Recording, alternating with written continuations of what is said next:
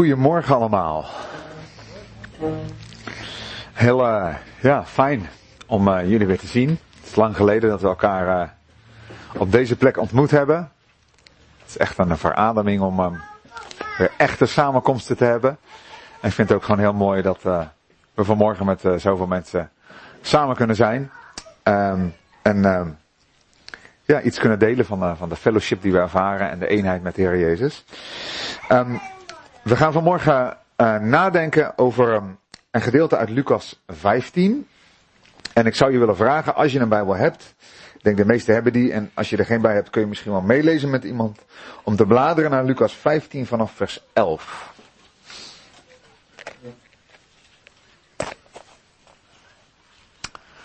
Lucas 15 vanaf vers 11. En voordat we gaan lezen wil ik een vraag stellen. Um, en dat is misschien een beetje een sombere vraag, maar ik denk wel een realistische vraag. En die wil ik echt aan iedereen stellen. Ook als je hier misschien wellicht voor het eerst bent. Stel dat je vandaag sterft. Dat is niet onrealistisch om dat te veronderstellen. Er gaan vandaag duizenden mensen dood. Stel dat je vandaag sterft. En je komt voor God te staan. En hij vraagt je, waarom zou ik je in mijn hemel binnenlaten?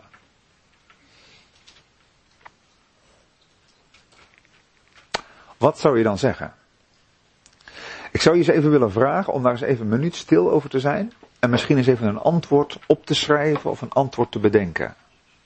God, de rechter van hemel en aarde, komt naar je toe en hij zegt, hier is de hemel, maar waarom zou ik jou binnenlaten? Wat zou je zeggen? We zijn even stil.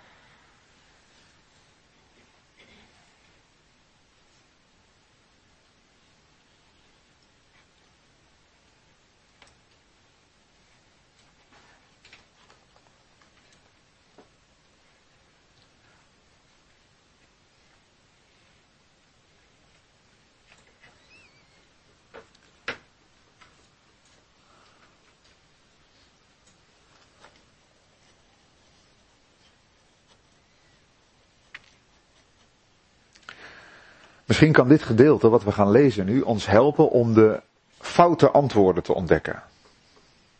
Wat de antwoorden niet zijn.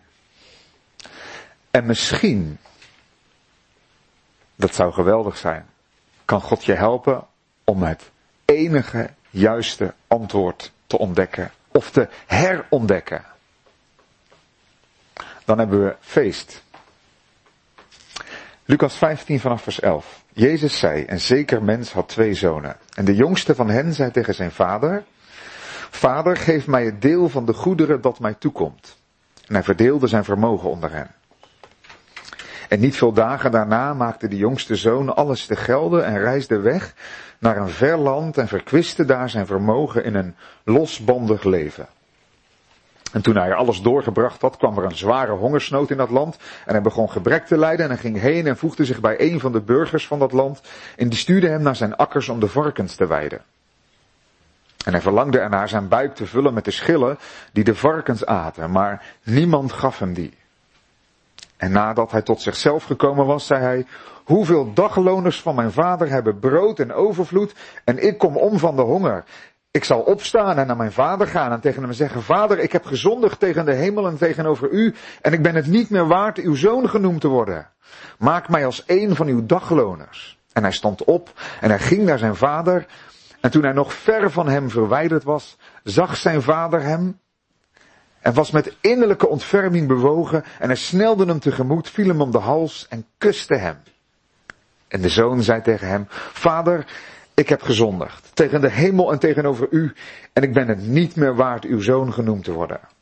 Maar de vader zei tegen zijn slaven, haal het beste gewaad tevoorschijn en trek het hem aan en geef hem een ring aan zijn hand en sandalen aan zijn voeten en breng het gemeste kalf en slacht het en laten we eten en vrolijk zijn. Want deze mijn zoon was dood en is weer levend geworden en hij was verloren en is gevonden. En ze begonnen vrolijk te zijn. Zijn oudste zoon nu was op de akker. En toen hij dichter bij huis kwam, hoorde hij muziek en rijdans. En nadat hij een van de knechten bij zich geroepen had, vroeg hij wat er aan de hand was. Deze nu zei tegen hem, uw broer is gekomen en uw vader heeft het gemeste kalf geslacht, omdat hij hem weer terug, gezond teruggekregen heeft. Maar hij werd boos en wilde niet naar binnen gaan. Toen ging zijn vader naar buiten en spoorde hem aan. Maar hij antwoordde en zei tegen zijn vader, zie, ik dien u al zoveel jaren en ik heb nooit uw gebod overtreden. En u hebt mij nooit een bokje gegeven om met mijn vrienden vrolijk te zijn. Maar nu deze zoon van u gekomen is, die uw bezit met hoeren opgemaakt heeft, hebt u voor hem het gemeste kalf geslacht. En hij zei tegen hem, kind, jij bent altijd bij mij en al het mijne is van jou. Wij zouden dan vrolijk en blij moeten zijn, want deze broer van jou was dood en is weer levend geworden. En hij was verloren en is gevonden. Thema van vanmorgen is leven uit genade. En ik voeg er een vraag aan toe, is een soortje een ondertitel. En die vraag moet je goed begrijpen. De vraag, thema leven uit genade en de vraag die ik erbij stel, is de gemeente geestelijk met een kleine g of feestelijk? Is de gemeente geestelijk met een kleine g of feestelijk? Twee zonen. Ik denk dat de meeste van jullie, misschien een aantal niet, maar dat maakt niet uit voor vanmorgen, het verhaal kennen. Je hebt een jongste zoon en je hebt een oudste zoon. De jongste zoon zegt op een dag, hij woont op de boerderij. We zitten hier tussen allemaal schilderijen en foto's van, uh, van het boerenleven, dus je kunt het je helemaal voorstellen. Hij woont op de boerderij en op een dag zegt hij tegen zijn vader, ik ga er vandoor, ik heb er genoeg van.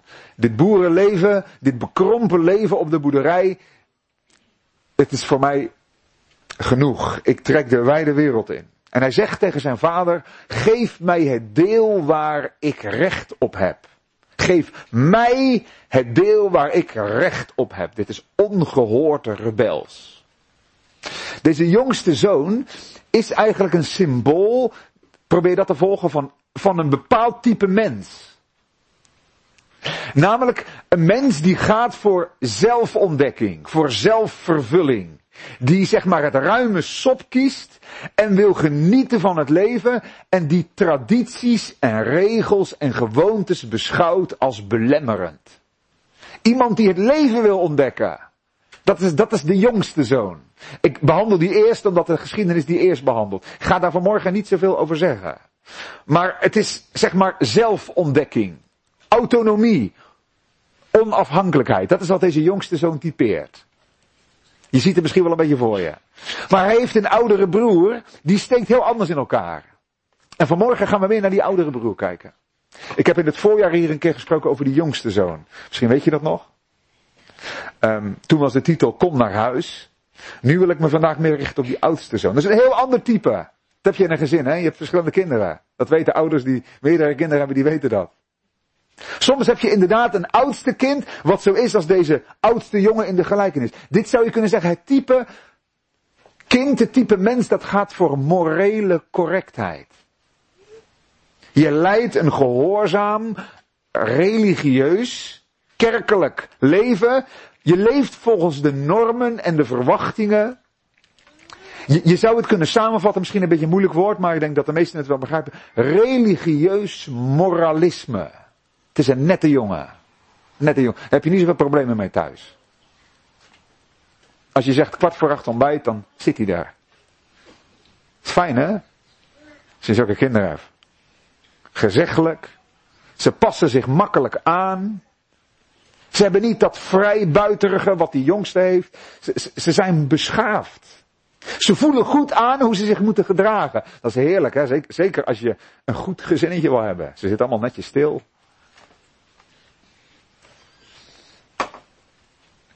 En je denkt misschien, ja, ja, zo hoort het, zo hoort het. Christianity is about the heart. Christen zijn heeft met het hart te maken. Dat maakt dit verhaal duidelijk. Ik stel even een vraag voordat ik verder ga. Van welk type? Ik heb twee mensen omschreven. Van welk type zijn er vanmorgen meer in de samenkomst? Wie? Gewoon even voor jezelf, even niet naar anderen kijken. Wie zegt, ik ben van nature meer het type jongste zoon? Ja, mag. Je mag vinger opsteken. Meer het type jongste zoon. Gewoon erop uittrekken. Oké. ja. Wie zegt nou, ik, ik was meer een beetje het type oudste zoon? Ja, er zijn ook een aantal die steken hun vinger niet op. Die zeggen, ik eigenlijk een beetje beide. Dat kan. Dat kan. Ik herken me in beide. Ik heb een tijd gehad, dat was de eerste fase in mijn leven, dat ik een typische jongste zoon was. Maar ik heb ook een tijd gehad, juist daarna, dat ik een beetje veranderde in een oudste zoon. Heel veel mensen dachten, nou, dit gaat goed met hem. Maar ik was even verloren. Christen zijn heeft met je hart te maken. Ik richt me vanmorgen op die oudste zoon. En ik denk dat de jonge lui, ik zie heel wat jongeren, jullie kunnen dit echt goed begrijpen, wat ik, wat ik uitleg. Misschien zelfs de kinderen wel een beetje. Ik heb aan mijn oudste zoon beloofd dat hij het zou kunnen snappen vanmorgen. Snap je het nog? Mooi. Um, um, nu hoort hij als oudste zoon ja te zeggen. um, we richten ons op die oudste zoon. Waarom gaan we dat doen? Ik geef je drie redenen, voor degene die meeschrijven, waarom ik denk dat het heel gerechtvaardigd is om over deze jongen na te denken. Eén, volgens mij is de gelijkenis allereerst voor hen bedoeld. Als je kijkt in Lucas 15, dan staat daar in vers 1, al de zondaars en de tollenaars, daar heb je de jongste zonen, die naderden tot Jezus. En vervolgens staat er in vers 2 van Lucas 15, de fariseeën en de schriftgeleerden morden onder elkaar. Die, die zagen wat nou, Jezus met die tollenaars. En dan staat er, en Jezus sprak en zei tot hen. En die hen, dat verwijst zeer waarschijnlijk naar die groep uit vers 2. Die fariseeën en de schriftgeleerden. Dat is de eerste reden waarom wij over deze geschiedenis na moeten denken. De, de geschiedenis geeft daar aanleiding toe. Wij denken vaak, dat is echt een misverstand, dat als Jezus dit verhaal van die verloren zonen vertelt, dat bij de luisteraars de tranen over de gezichten biggelen. Ze zeggen, wat een verhaal, die jongste zoon komt thuis. Ik denk dat het tegenovergestelde waar was. Ik denk dat de schriftgeleerden en de fariseeën met boze, beledigende gezichten keken. Omdat ze aanvoelden, wij zijn die oudste zoon. Dat is de eerste. De tweede reden, ik denk dat de bestudering van de oudste zoon je kan helpen, jou vanmorgen, jou kan helpen en mij, hoe jij werkelijk, om te beseffen hoe jij werkelijk tegenover genade staat. Je zou ook kunnen zeggen of je het evangelie echt begrepen hebt. En het is geen overbodige luxe, ook al ben je misschien al na je getuigenis 20 jaar christen. Het is geen overbodige luxe om jezelf de vraag te stellen, heb ik de essentie van het evangelie echt begrepen? Dat is de tweede reden. En ik denk de derde reden, en dat is misschien wel de spannendste reden, waarom we over de jongste, sorry, over de oudste zoon nadenken, is dat het verhaal ook een spiegel is voor de cultuur in de gemeente. Je kunt als christelijke gemeente ook oudste zoonachtig worden. Is er in de gemeente een cultuur van genade of een cultuur van werken? Een geest van religie of een geest van relatie? Is er een cultuur van vrijheid of van vergelijking? Is er een cultuur van boosheid of er is een cultuur van vergeving? Een cultuur van nederigheid of een cultuur van trots? Tim Keller heeft over dit verhaal een boek geschreven en hij zegt in dit boek het volgende. Hij zegt, onze grote steden in het Westen zijn vol van jongste zonen, weggevlucht uit kerken waar oudste zonen de boventoon voerden. Het is echt een aangrijpend citaat. De steden zitten vol met jongste zonen, gevlucht uit kerken waar oudste zonen de boventoon voerden. Daarom is deze gelijkenis een spiegel voor de cultuur en de gemeente. Ik wil, na deze lange inleiding, met jou, vooral met u, vooral kijken wat is het probleem van de oudste zoon. En denk met me mee. Stel je vragen. Als je zegt, ik heb daar een vraag over, maar misschien kunnen we dat straks bij de koffie bespreken. Um, En aan het einde wil ik afsluiten met een medicijn. Die oudste zoon heeft een kwaal. En ik wil kort afsluiten aan het einde. Met twee punten die misschien het medicijn kunnen zijn. We gaan hem op de operatietafel leggen. Zijn kwaal bekijken. Doe je mee? Wanneer wordt het probleem duidelijk? Het wordt duidelijk bij het feest. Het wordt duidelijk bij het feest. De vader organiseert een feest, want de jongste zoon was verloren en hij is thuisgekomen. En de oudste zoon weigert naar binnen te gaan. Waarom denk jij dat hij niet naar binnen wil? Waarom gaat die oudste zoon niet het feest binnen? Ik denk, samenvattend, dat hij dit zegt. Ik ben nooit ongehoorzaam geweest. Het is niet door zijn slechtheid, maar door zijn goedheid dat hij niet in contact komt met zijn vader. Het feest is namelijk een feest van vergeving. Maar dat is voor deze jongen een belediging. De taal en de sfeer van genade zijn hem vreemd. Hij handelt namelijk met zijn vader niet op basis van relatie, maar op basis van verdiensten. Ik denk dat veel kerkelijke mensen, of veel humanistische mensen, in wezen hetzelfde denken. Soms hoor je een getuigenis. Ik bedoel het niet stekelig. Van iemand die zegt, joh, ik ben altijd wel opgevoed met de Bijbel. Ik heb ook altijd wel van, van God gehouden. En ook wel gewoon volgens de Bijbel geleefd. Altijd naar de kerk gegaan, de jeugdclub. We, baden ook. En we, we hadden, ja, ik, ik, ik lees ook wel in mijn Bijbel. We doen niet al te gek. We zijn ook wel serieus in de gemeente. We zijn voor een aantal dingen en tegen een aantal dingen. Ja. Dat is ongeveer mijn, mijn christelijk leven. Jezus is mijn helper. Ik heb mijn examen gehaald en Jezus heeft me geholpen.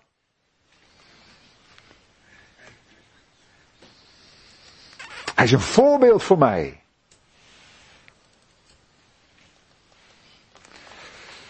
De question, de vraag is, is hij ook je redder?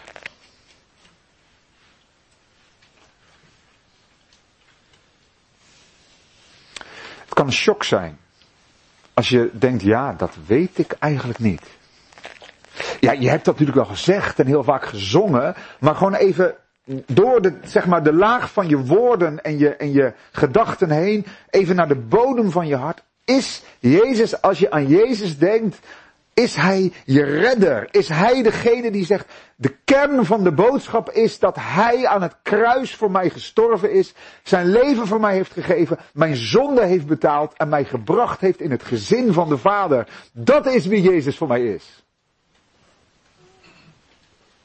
Daar zit namelijk een beleidenis onder dat je in jezelf verloren bent, ook al ben je hartstikke fatsoenlijk. Fatsoenlijk verloren.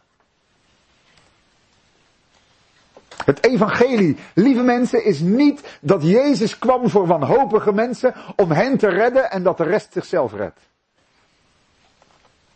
Het evangelie is niet dat jongste zonen bekering en genade nodig hebben en dat oudste zonen via de achterdeur, via een correct leven, de hemel binnenkomen. Dat is een vergissing.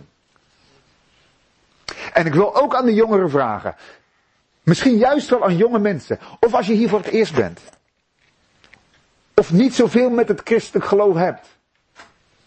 Of misschien juist wel, dat je zegt, ik zit keurig stil en ik luister, zeg het maar. Je kunt niet met het geloof van je ouders in de hemel komen. Iedere generatie heeft bekering, heeft wedergeboorte nodig, heeft de ontdekking nodig. Ik heb Jezus nodig. Ik heb een redder nodig.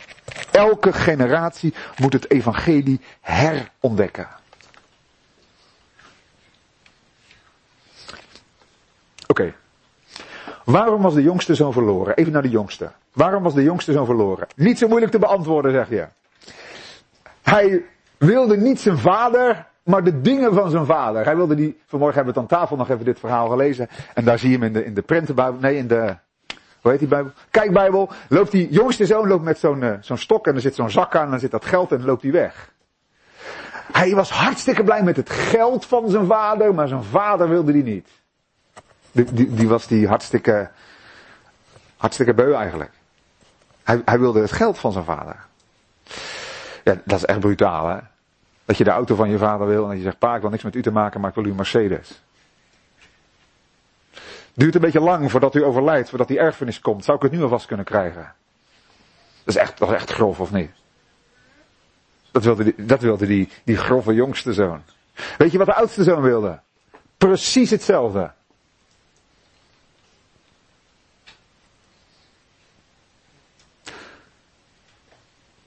De jongen ging naar een ver land. De oudste was nooit ongehoorzaam. Dat was zijn manier om greep te krijgen op de dingen van zijn vader. Dat kwam eruit toen het feest kwam. Toen zei hij, maar ik wil ook de dingen van u hebben. Hij maakte zich zo druk om dat gemeste kalf. Weet je waarom? Dat was van hem. Zijn vader had het aan hem gegeven. Alles is van u. Het ging hem ook om de dingen van zijn vader. Niet om zijn vader. En ook niet om het feest van de vader. En ook niet om de blijdschap van de vader. Om de dingen van zijn vader. Zo, dat is, dat is zonde in de kern. Dat wij de dingen van God gebruiken. Dat je zegt, wat nou God? Maar we leven in Gods wereld. Ik adem Gods lucht. Ik leef in een lichaam dat God me gegeven heeft. Ik zie omdat God me ogen heeft gegeven. Ik heb het eten dat God me geeft. Ik heb een vrouw die God me gegeven heeft. Ik rij in een auto die God me gegeven heeft. En ik zeg, ik wil de dingen, maar ik wil u niet. Wat grof. Maar het is nog misleidender als je zegt, ja papa, ik wil het, maar in je hart zeg je, ik wil die vader niet, ik wil die dingen van die vader. Dat is die oudste zoon. Je verkijkt je op hem. Beide jongens hekelden het gezag van vader. Beide kwamen ze in opstand. De een door extreem slecht te zijn, de ander door extreem goed te zijn. Beiden vervreemd van het vaderhart. Die, die oudste zoon zat, jongelui, die oudste zoon zat nooit bij zijn vader aan tafel en zei, papa ik hou zoveel van u, wat kan ik vandaag eens voor u doen? Hij zei, pa geef je je lijstje maar. Ik zal doen wat ik behoor te doen. Misschien zei hij het heel netjes. Ik zal, ik zal het doen. Maar in zijn hart was hij bezig om te verdienen. Weet je? Dit moet je onthouden. Je kunt van God vervreemden door massaal zijn regels te breken. Maar je kunt ook van God vervreemden door de regels ijverig na te leven. Je kunt Jezus omzeilen door zonde te omzeilen. Snap je dat? Ik heb Jezus niet nodig, want ik leef rechtvaardig. Ik heb geen verlosser, geen genade, geen vergeving nodig. En daarom moet het evangelie in de kerk gepredikt worden. De kerk moet namelijk, deze samenkomst ook, moet het feest zijn van Verloren mensen die zijn gaan inzien dat ze de genade van God diep nodig hebben. En dat we hier vanmorgen samenkomen om de genade van God te vieren. We zitten hier vanmorgen niet om onze morele goedheid te vieren. We zitten hier vanmorgen om de genade van God te vieren. En de een was als oudste zoon verloren, de ander als jongste zoon. Maar beiden, zeggen we, vieren we het avondmaal, vieren we feest, juichen we voor de Heer, want Hij heeft ons gered terwijl we het niet verdiend hadden. Anders word je een moraalridder. Een nette burger die een fatsoenlijk leven leidt. En de vraag is, dat is interessant voor de leiding van de gemeente, vallen moraalridders in de gemeente op? Vallen die door de mand? Of zijn we er eigenlijk blij mee? Zoals je als vader in je gezin blij kan zijn met een brave jongen.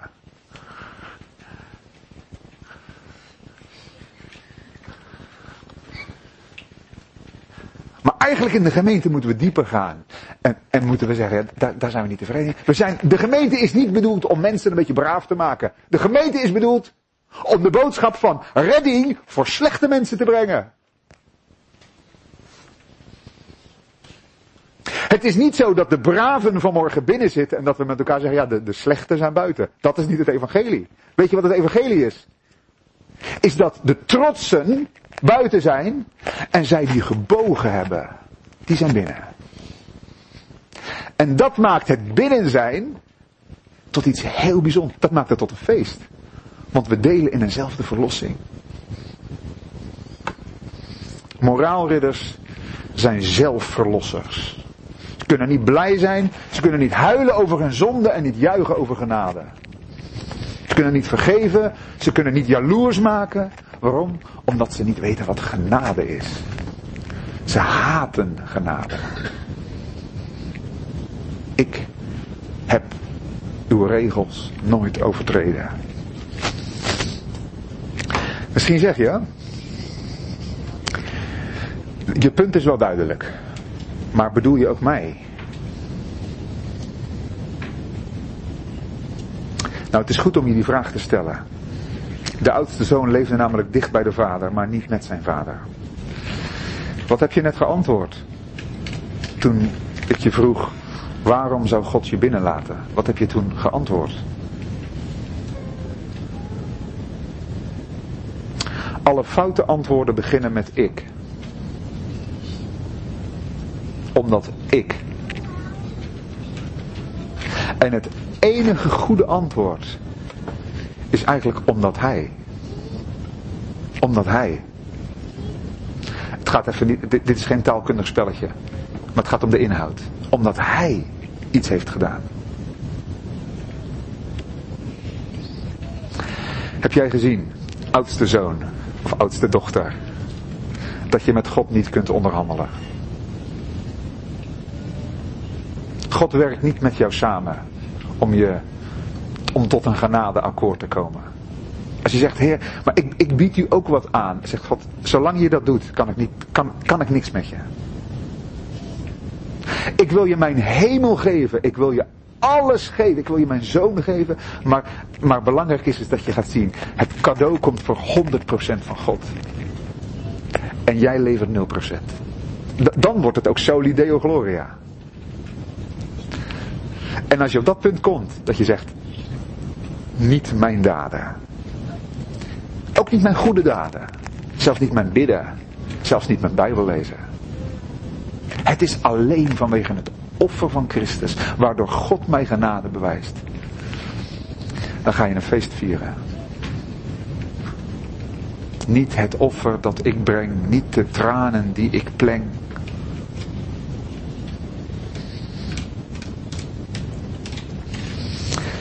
Misschien zeg je, dit is voor mij geen nieuws. Dit offer van de Heer Jezus heb ik aanvaard. Als dat niet zo is, als je vanmorgen niet zeker weet of je vrede met God hebt. Het goede nieuws is, je hoeft met God niet te onderhandelen. Je kunt vandaag vrede met God vinden.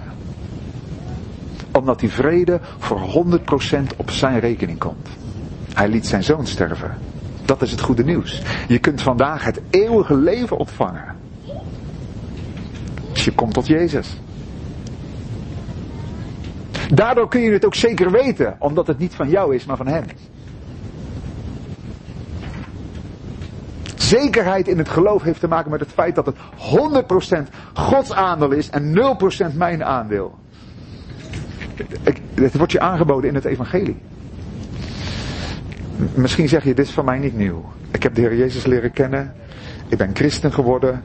Ik heb me laten dopen.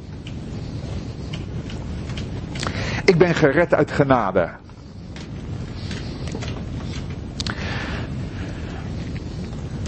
Dan zou ik dit aan je willen vragen. Is er misschien een mogelijkheid dat je toch na die genadeklap, na je wedergeboorte, dat je toch weer oudste zoonachtig bent geworden? Ik ben gered uit genade, maar heb je ook geleerd om te leven uit genade?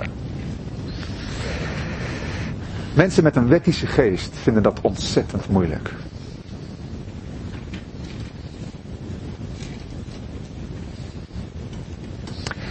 Misschien heb je ooit gehoord van het oorlogsverhaal Saving Private Ryan. Er is een film van gemaakt, een boek. Dus in, de, in, in de oorlog is er een zekere soldaat Ryan, James Ryan. Die is in een hele gevaarlijke positie. En op een gegeven moment hoort de leger, af de, de, de commandant van, van zijn compagnie zeg maar, hoort dat drie van zijn broers overleden zijn in het leger. En dat hij de enige zoon uit het gezin is die nog leeft. En hij zat daar op een hele gevaarlijke post. En de commandant verzamelt enkele van zijn strijdkrachten en zegt: Jullie moeten het front in en James Ryan gaan bevrijden. Want we kunnen zijn moeder niet vertellen dat ze alle vier gestorven zijn. Zo gezegd, zo gedaan. Die soldaten, een aantal, inclusief de commandant zelf, vertrekken richting het front met de bedoeling om James daar te bevrijden. En wat gebeurt er? Op een gegeven moment staan ze op een brug. James is bijna bevrijd, maar de vijand schiet de commandant dood. En James staat ernaast. En hij ziet zijn eigen commandant, die, die kwam om hem te redden, ziet hij doodbloeden. En de laatste woorden die die commandant tegen James zegt, is Zorg dat je dit verdient. Maak het waar. Zorg dat je dit verdient. James overleeft de oorlog. En 50 jaar later komt hij samen met zijn vrouw op het graf van de commandant. En nog altijd hoort hij die woorden. Zorg dat je dit waard bent. Zorg dat je dit verdient. Prikken in zijn geweten. Heb ik een leven geleid dat het waard was? Heb ik het verdiend? Eigenlijk zou je kunnen zeggen, heb ik het terugbetaald? Heb ik het terugbetaald? En hij kijkt zijn vrouw aan en hij zegt tegen zijn vrouw, zeg me dat ik een goed mens ben. Zeg me dat ik een goed mens ben. De laatste woorden van de commandant waren, Zorg dat je het verdient. Weet je wat Jezus' laatste woorden waren? Het is volbracht. Dat betekent, het hoeft niet terugbetaald te worden. Je mag leven uit genade.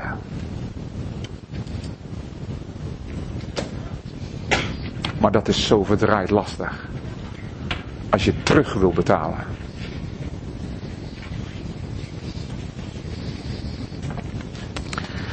Ik denk, ik pas het even toe, dat in onze tijd, in onze gemeente, de heiliging soms een middel is om de rechtvaardiging terug te betalen. Maak het waar dat je, het, dat je gered bent. Als jij echt gered bent, zeggen we, zal het blijken uit gebed. Zal het blijken uit liefde? Zal het blijken uit inzet? Zal het blijken uit een heilig leven? Uit bewogenheid van verloren zielen? Het zal blijken uit geestelijke groei? Uit ernst met Gods geboden? Uit evangelisatie? Het zal echt blijken als dat in je leven zichtbaar wordt. En in ons hoofd denken we, voorwaarts mars, mars terugbetalen. Stille tijd. Dat is een goede graadmeter. Dat je je beter voelt als je je stille tijd hebt gehouden. En heb je het een dag of twee dagen niet gedaan? Dat je echt voelt toch iets minder vrijmoedigheid. Ben je een christen? Ja, maar, niet, niet zo'n goede.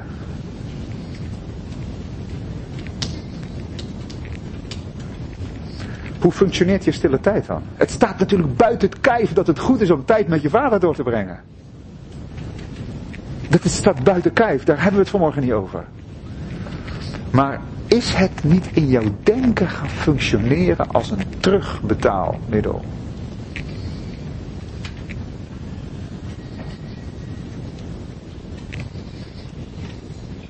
Dat is de oudste zoon.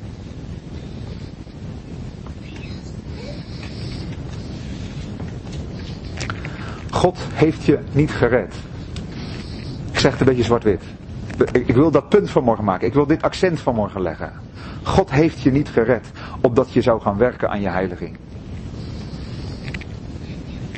Hij heeft je gered omdat hij je wilde redden. Hij heeft je gered omdat hij gedachten van vrede heeft. Omdat hij genade wil bewijzen. Dat is zijn karakter omdat hij je van voor de grondlegging van de wereld lief had. Daarom, daarom. En daarom houd ik stille tijd. Om met hem te zijn en niet om terug te betalen. En als je van die genade ondersteboven raakt, dan gaat je leven op een evangelische wijze veranderen. Dat is het nieuwe verbond. Genade is feestelijk. Niet om het waar te maken, maar omdat het allemaal is volbracht. Misschien zeg je, ook dit punt is helder. Je kunt als christen oudste zoonachtig zijn. Dat terugbetaalmodel. Waar merk je het concreet aan? Concreet kun je het in je leven aan deze dingen merken. Dat haal ik uit het leven van de oudste zoon. Eén is boosheid. Oudste zonen zijn boze zonen. Hij werd boos. Hij wilde niet naar binnen gaan. Hij dacht, ik verdien dit niet. Ik verdien meer.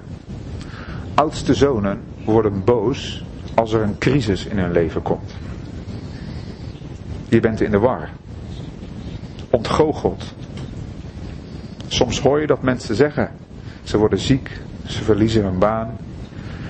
En het ontglipt je misschien, maar je zegt, waar heb ik dit aan verdiend? Dat verraadt een verdienmodel. Ik doe goed en God doet mij goed. Ik bid en hij verhoort. Voor wat hoort wat. En als het anders gaat, word je boos. En deze boosheid van deze jongen is een blijk van angst. Dat is het tweede. Eén boosheid, twee angst. Weet je waarom deze jongen bang is? Omdat hij onzeker is over de goedkeuring van zijn vader. Hij zegt, u hebt mij nooit een bokje gegeven. Ik dien u zo trouw. Maar ik heb nooit een feestje gekregen. U houdt niet van mij. Ondanks dat ik zo hard werk. Mensen die werken, zoeken naar de goedkeuring van God. En gaat het werken redelijk? Houd je je stille tijd? Heb je lekker kunnen getuigen? Dan voelt het wat zeker. Maar gaat het een dag mis? Dan voel je je schuldig en onzeker. Eigenlijk word je door schuld gedreven.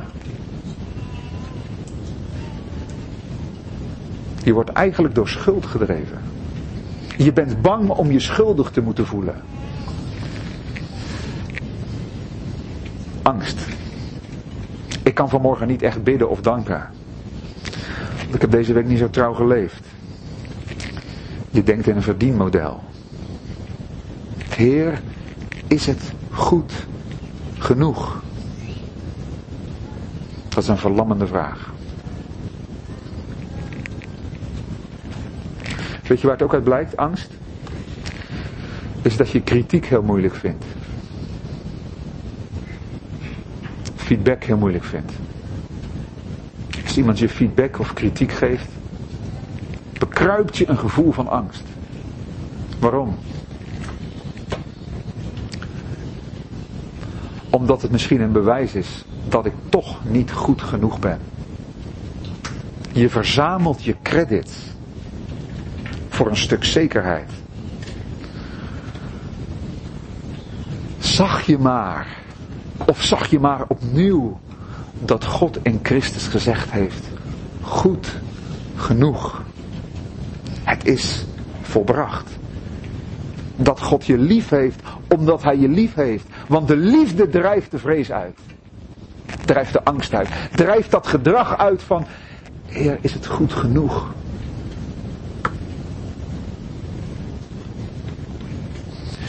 Een derde kenmerk is trots. Hebben jullie gezien hoe hij zijn broer noemt?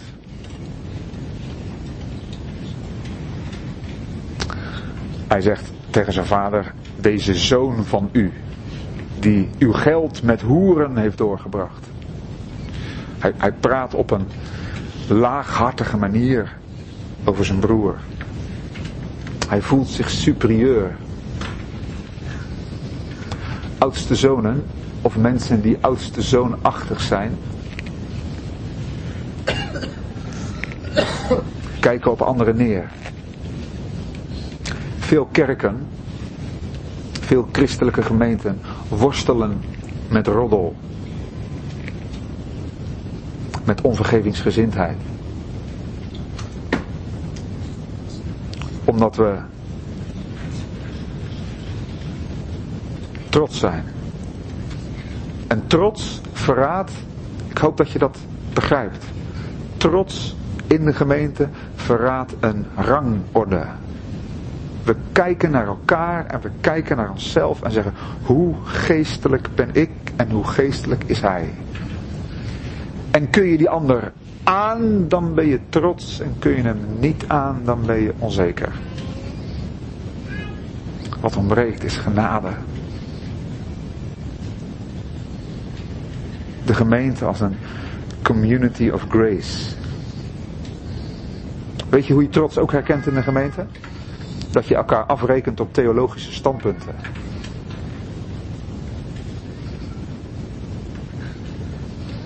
Dat verraadt trots.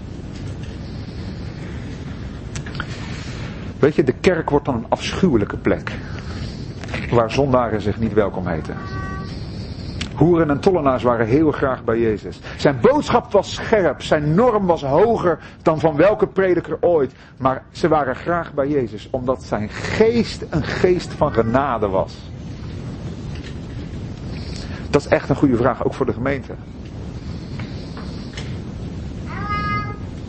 Komen zondaren hier graag? Zeggen ze gewoon, ben je bang om met zondaren om te gaan? Ben je bang om door een zondaar zondig te worden? Zonde. Een christen is, behoort doodsbang voor zonde te zijn, maar niet voor mensen. Natuurlijk, er moet tucht in de gemeente zijn. Dat is buiten kijf, daar gaat het vanmorgen niet om. Maar zijn, zijn zondaren welkom? Met andere woorden, kan je het feest van genade vieren in de gemeente? Of bouwen we een rangorde? Wie is het geestelijkst? Zondaren, al hebben ze niet de Heilige Geest ontvangen, voelen haar fijn aan, daar moet ik niet zijn.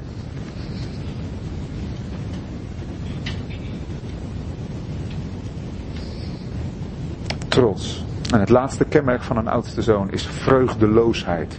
Hij zegt tegen zijn vader, al jaren werk ik voor u. Al jaren werken, dat heeft hij bijgehouden, hè? al jaren. Hij weet precies hoeveel jaar. Voor wie werkt hij eigenlijk? Hij werkt helemaal niet voor zijn vader, hij werkt voor zichzelf. Weet je? Kenmerk van een oudste zoon, en dat is vanmorgen ook iets om je leven langs te leggen, is dat hij geen vreugde heeft. Genade doet je namelijk juichen. Maakt je echt blij. En de test is je gebedsleven. Als je de thermometer in je gebedsleven steekt. Is dat, is dat een gesprek met een zakenpartner, zoals die oudste zoon met zijn vader sprak? Is dat een soort biecht van heren? Is het goed genoeg? Of kan je God vanuit je hart danken voor zijn genade? Ook al heb je gezondigd. Heb je een fout gemaakt? Heb je harde woorden tegen je vrouw gesproken? Ook al ben je weggelopen bij het hart van de vader. Dat je terug kan gaan en dat je niet begint te onderhandelen. Maar dat je zegt, Heer, ik wil u, ik wil u eenvoudig bedanken voor het feit dat u ook voor deze zonde uw zoon hebt doen sterven aan het kruis. Ik prijs u, Heer, voor uw genade. Dat, dat kunnen zondaren die vergeving accepteren zeggen. En misschien zit je op je puntje van je stoel en zeg je, dit gaat te snel. Dit, dit gaat te makkelijk. Dit, dit brengt de zonde in de gemeente. Je onderschat de kracht van genade. Je hebt de genade nog niet tot op de bodem leren kennen. Want het is genade dat ons transformeert en naar het beeld van Christus maakt. Tot slot. Wat als je je er een beetje in herkent? Sorry voor deze sombere schildering. Ik zei vanmorgen tegen Wijnand en tegen Kees, het is misschien een beetje somber, die oudste zoon. Misschien denk je van, oh, daar nou niet echt blij van.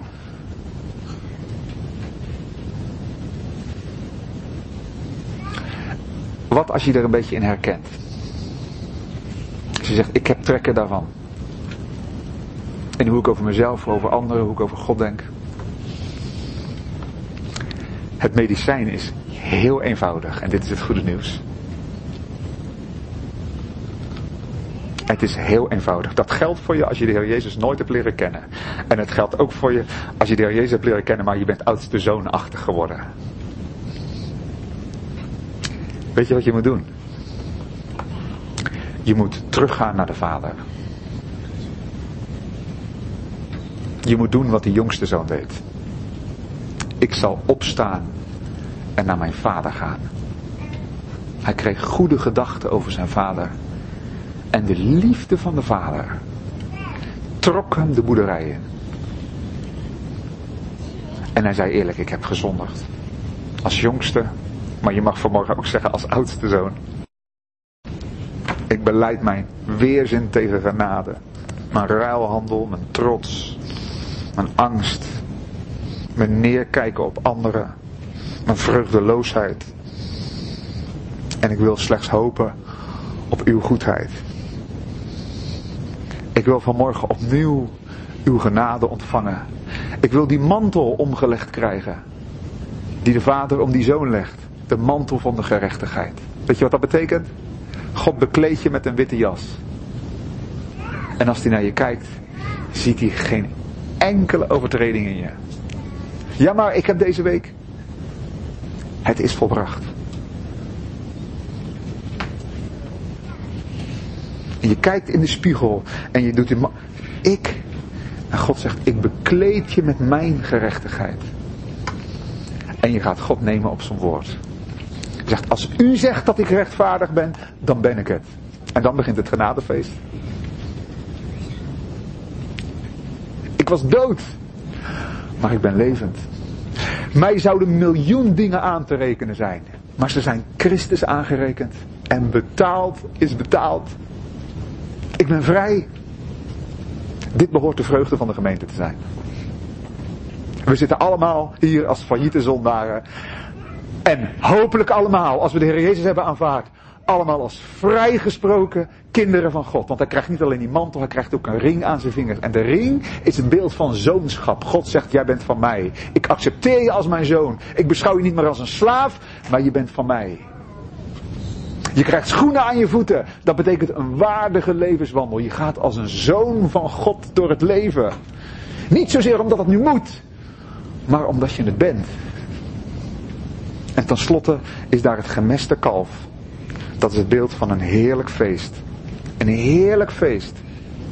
Van eeuwige gemeenschap met God. Zitten aan tafel met de Vader. En voortdurend beseffen, niet door mij, maar door u. Dan leef je echt uit genade. En vier je feest. Ben je geestelijk ben je feestelijk? Ik bedoel met geestelijk, ben je bezig credits te verzamelen, zodat je straks kan zeggen, Heer, als ik u was, zou ik mijzelf om deze redenen binnenlaten. Laat mij in uw hemel, want. Je durft er bijna niet hardop te zeggen. Nou, hopelijk zeg je vanmorgen, dat gaat allemaal van tafel.